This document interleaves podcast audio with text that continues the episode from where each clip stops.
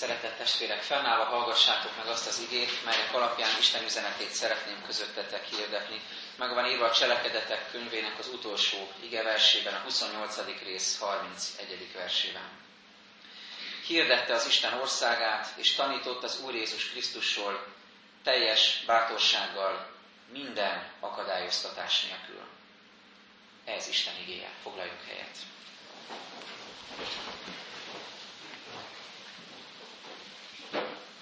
Ahogy említettem, pár napja fejeztük be a bibliolvasó kalauzunk szerint a cselekedetek könyvének tanulmányozását, és egy hete vasárnap éppen Pálapostolnak a kalandos utazásáról ö, olvastunk, tanultunk erről, gondolkoztunk, beszélgettünk együtt, hogy hogyan jut el ö, a tengeren hánykolódva különböző marcona utastársokkal együtt Pálapostól Rómába, illetve hogyan igyekszik Róma felé.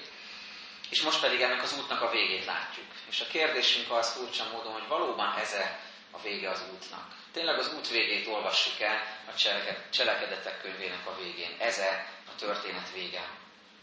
Eszembe jutottak ugyanis különböző történetek és történet befejezések, és a mi viszonyulásunk egy-egy könyvnek, színdarabnak vagy filmnek a történetéhez, vagy éppen a személyes történetünkhöz, ami az életünk, vagy egymás személyes történeteihez. És azt látom, hogy különböző viszonyulásaink vannak, de abban talán közösek vagyunk legtöbben, hogy vágyunk a jó befejezésre. Vágyunk arra a szívünk mély, hogy egy történetnek jó legyen a vége. Erre rá is játszanak a hollywoodi filmkészítők, akik eh, nagyon kiszámítható módon sokszor happy end fejeznek be egy-egy történetet, és biztosak lehetünk benne mondjuk 5 perccel a vége előtt, hogyha éppen a fős haldoklik is, vagy valami lehetetlen helyzetben, vagy valahogy meg fog menekülni, tehát biztosan eh, happy end lesz ennek a történetnek a vége. De Hollywoodtól függetlenül a szívünkben, a, a lelkünk mélyén ott van ez a vágy. Hogyha van egy történet, akkor annak legyen jó a vége.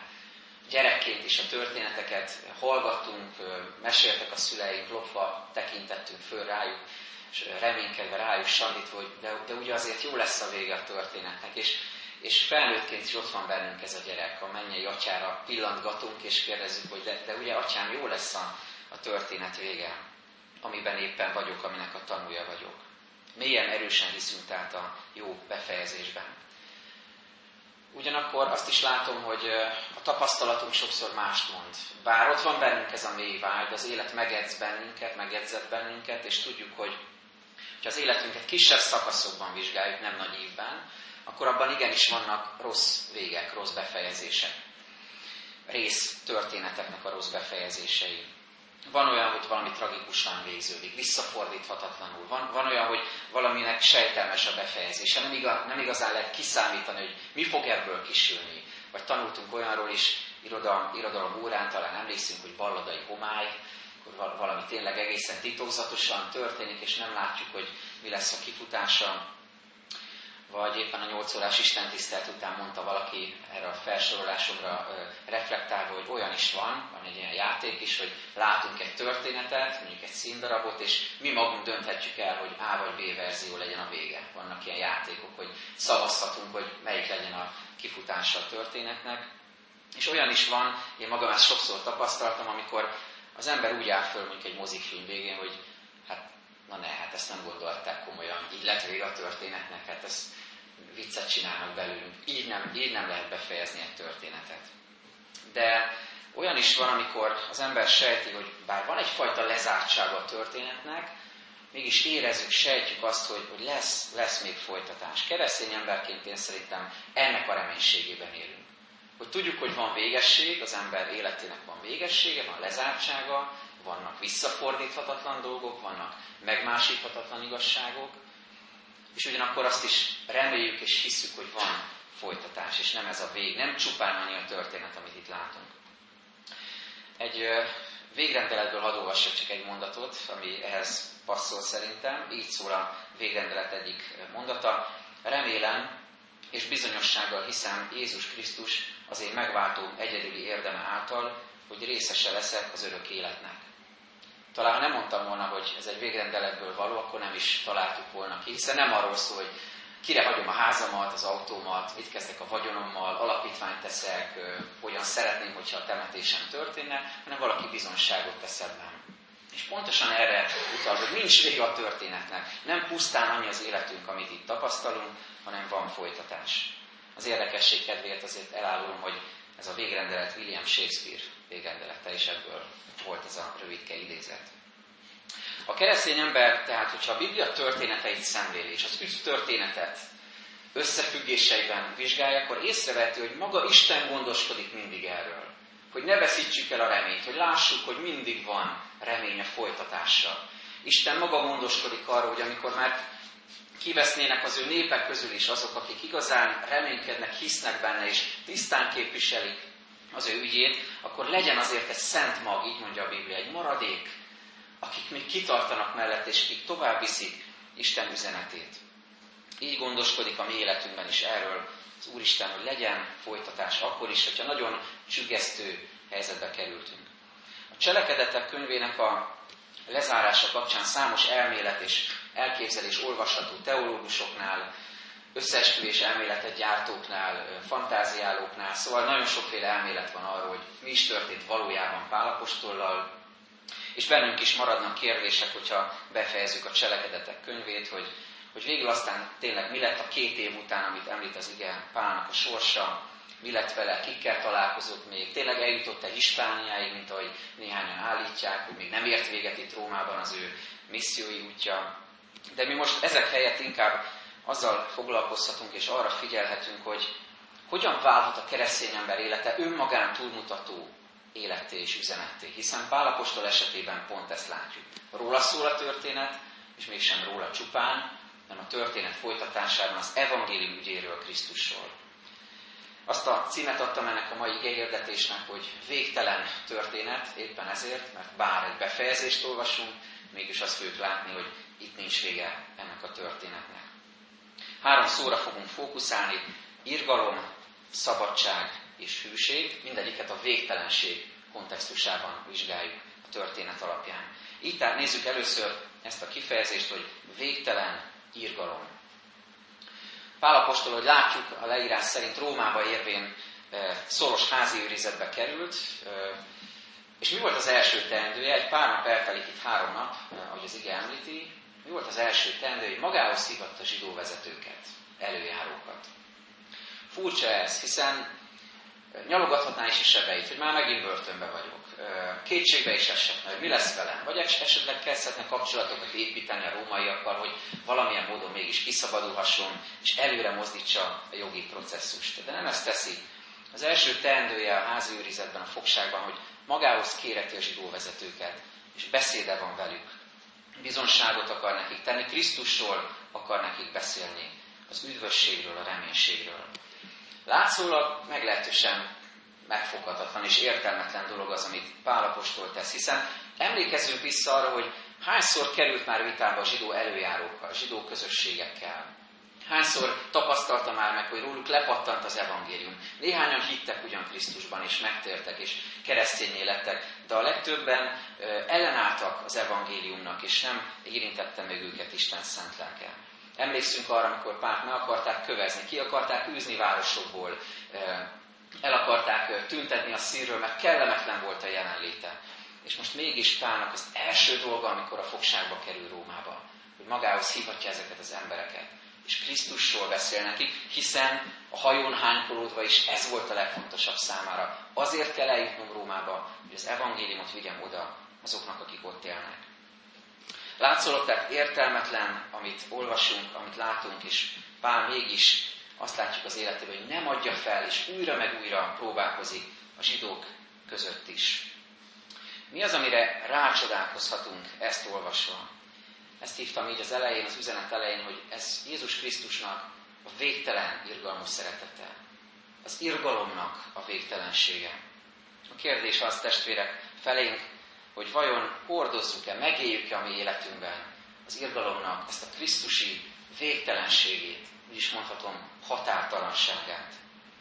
Kivel kapcsolatban teszi föl most nekünk a kérdést az ige és a lélek? Kivel kapcsolatban kell megtapasztalnunk ezt a végtelenséget, az irgalomnak a határtalanságát, a befejezetlenségét, a végtelenségét. Ahogyan Pál újra meg újra próbálkozik a zsidók között, hogy az evangéliumot vigye a szívükben, az életükben, vajon ki az, akivel kapcsolatban nekünk ez a feladatunk, kivel kell nekünk irgalmat gyakorolnunk, kifelé kell ezzel a Krisztusi kegyelmességgel tekintenünk.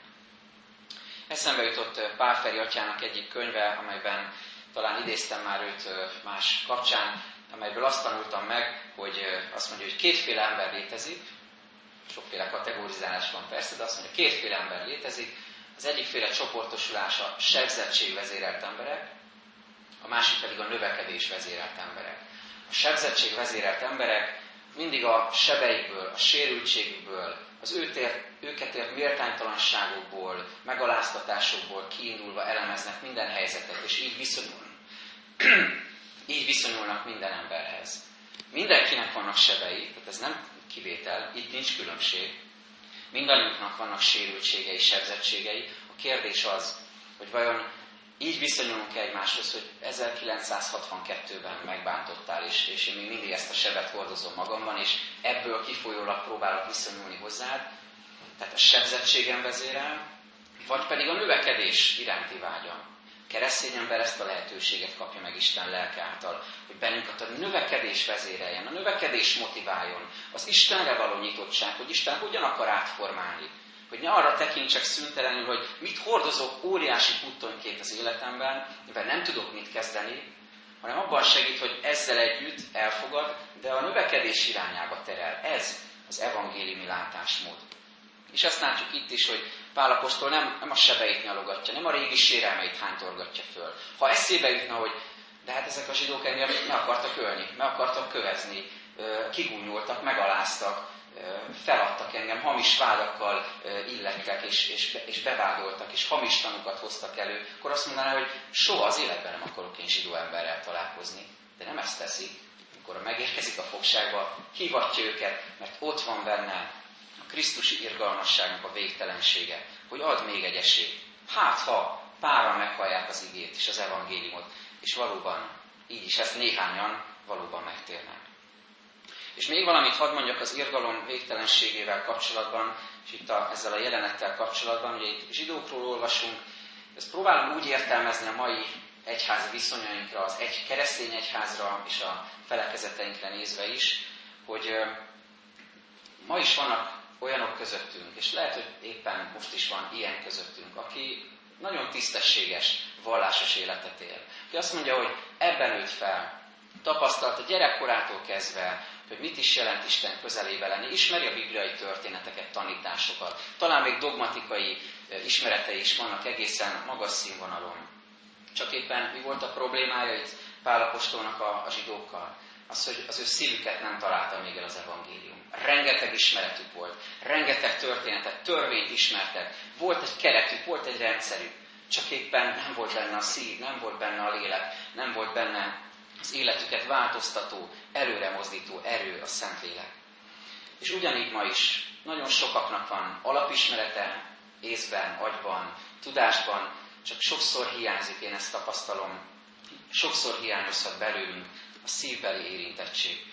És itt azt látjuk, hogy Pál nem adja fel, és, és újra meg újra mondja nekik is, és az Isten igéje hozzánk is szól, ebben a templomban is, azért, hogy megérintsen, megérintsen bennünket.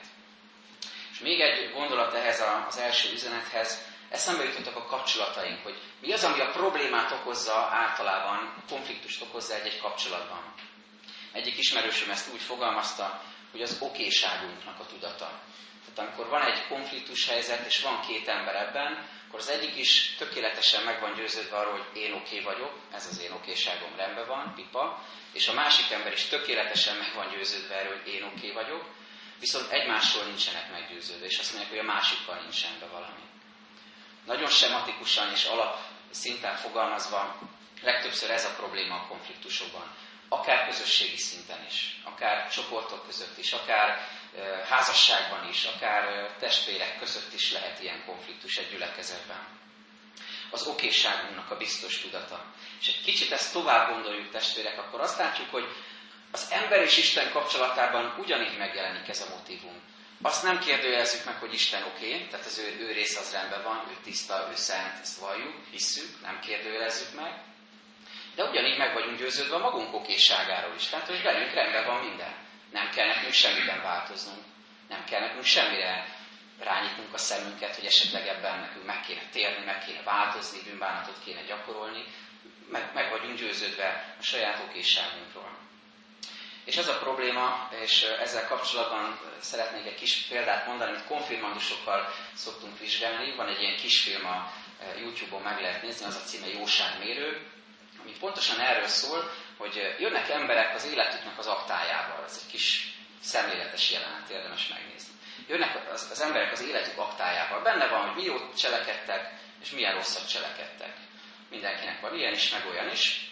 De azért általában meg vannak győződve a saját okéságukról, több a jó, jó ebben. És oda mennek, ráállnak egy mérlegre, és a mutató mutatja, hogy bármennyire tele vannak jósággal, és több a jóság, mint a rosszaság, ez a mutató mégiscsak a rossz irányba e, leng ki, vagyis hát nem megy át a jó felé.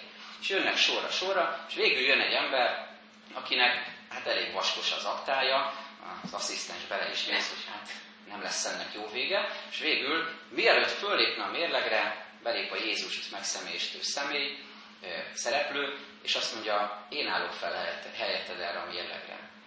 És Jézus föláll a mérlegre, és a mutató természetesen a jó irányba leng ki. Mit mond ez a nagyon egyszerű, nagyon alaptörténet? Hogy amikor én akarok fölállni a mérlegre, én akarom a saját okésságomat bizonygatni, akkor szükségképpen elbuktam.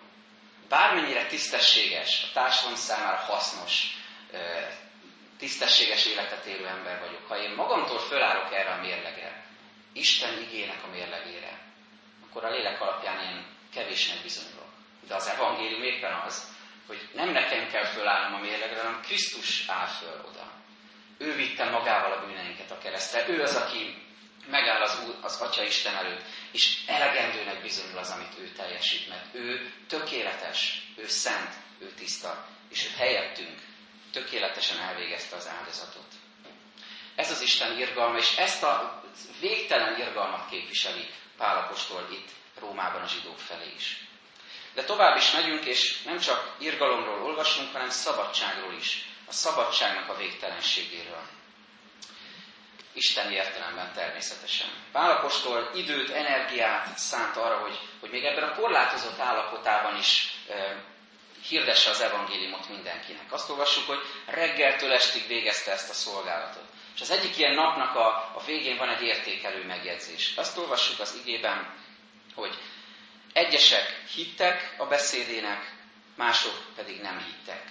Milyen egyszerű, milyen lekerekített, milyen jó, kiózanító ez, a, ez az értékelés. Hogy Pálapostól belead apait, anyait, egész nap, reggeltől estig mondja az igét és az evangéliumot. És azt olvassuk, egyesek hittek a beszédének, mások pedig nem hittek. Az a kifejezés, amit az első tagmondatban olvasunk, hogy egyesek hittek a beszédének, az szó szerint azt jelenti, hogy meggyőzettek nyilván Isten által, az igének az igazságáról. Ők hittek a beszédének, mások pedig nem. Ilyen egyszerű ez, testvérek. Miért mondjuk azt, hogy, hogy a szabadság végtelenségével is találkozunk ebben a e, történetben? Hát azért, mert éppen ez a híradás, hogy egyesek hittek, mások pedig nem, Pál beszédére hívja fel a figyelmünket arra, hogy nem tőlünk függ az evangélium hatása.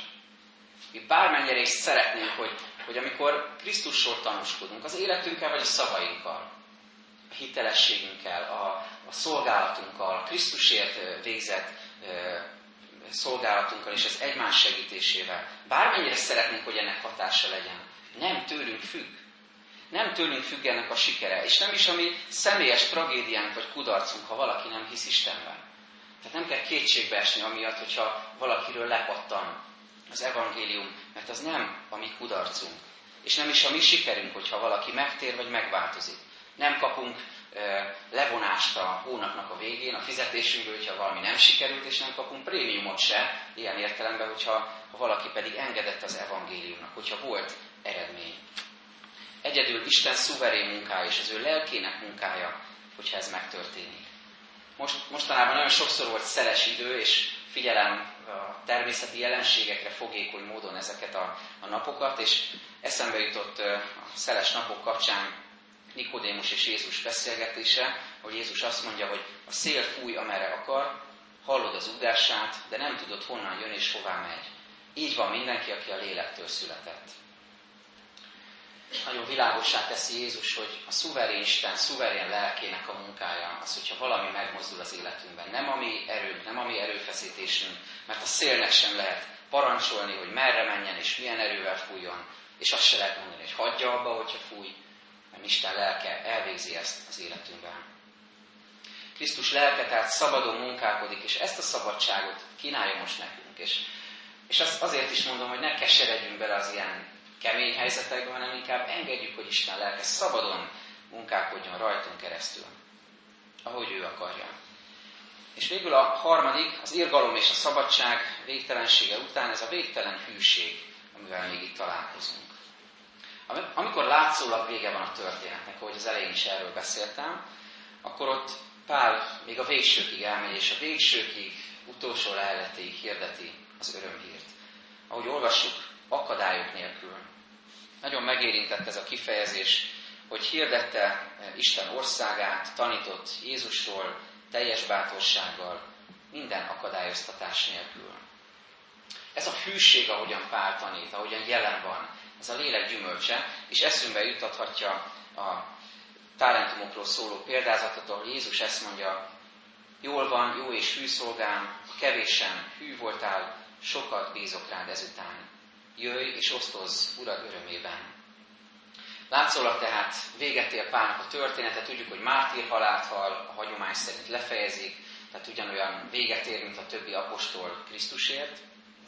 De mégis itt olvasunk erről a bizonyos két évről. Pálapostolhoz gondoljátok meg, két hosszú évig jönnek még az emberek. Jönnek emberek, akik kíváncsiak rá. Nyilván érdekli őket ez az ember. Ki ő, mit tanít. Jönnek olyanok, akik szomjasak, szomjasak lelkileg. Jönnek megterhelt emberek. Jönnek a bűneiket letevő emberek. És jönnek olyanok, akiket valóban érdekel, hogy kicsoda Jézus Krisztus, akiről Pál tanít. És ez a két év, amíg Pálapostól látszólag meg van kötözve, meg vannak kötve a kezei lábai, házi őrizetben van, korlátozva van a szabadsága, nem tud kimozdulni. Talán a legtermékenyebb két év Pálnak az életében és a missziójában.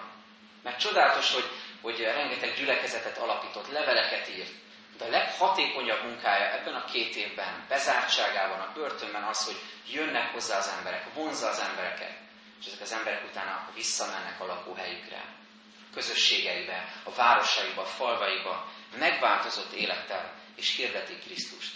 Csak egy ilyen példát hadd mondjak, amiről az ige is tanúskodik. Onézimos. Talán hallottatok róla, a Filemonnak írt levélben találkozunk vele. Ő egy megszök, Filemontól megszökött rabszolga volt, aki elment Pálhoz, és feltehetően az ige összefüggéseiből kiderül, hogy a római fogságában találkozott Pállal. Ugyanúgy, ahogy többiek abban a két évben. Találkozott Pállal, megváltozott az élete, megtért, és zsebében a Filemonnak írt levéllel visszament a gazdájához. Már testvérként, már nem csupán szolgaként, hanem keresztény testvérként. Lélektől lélekig így jut az evangélium, és így változnak meg az emberek.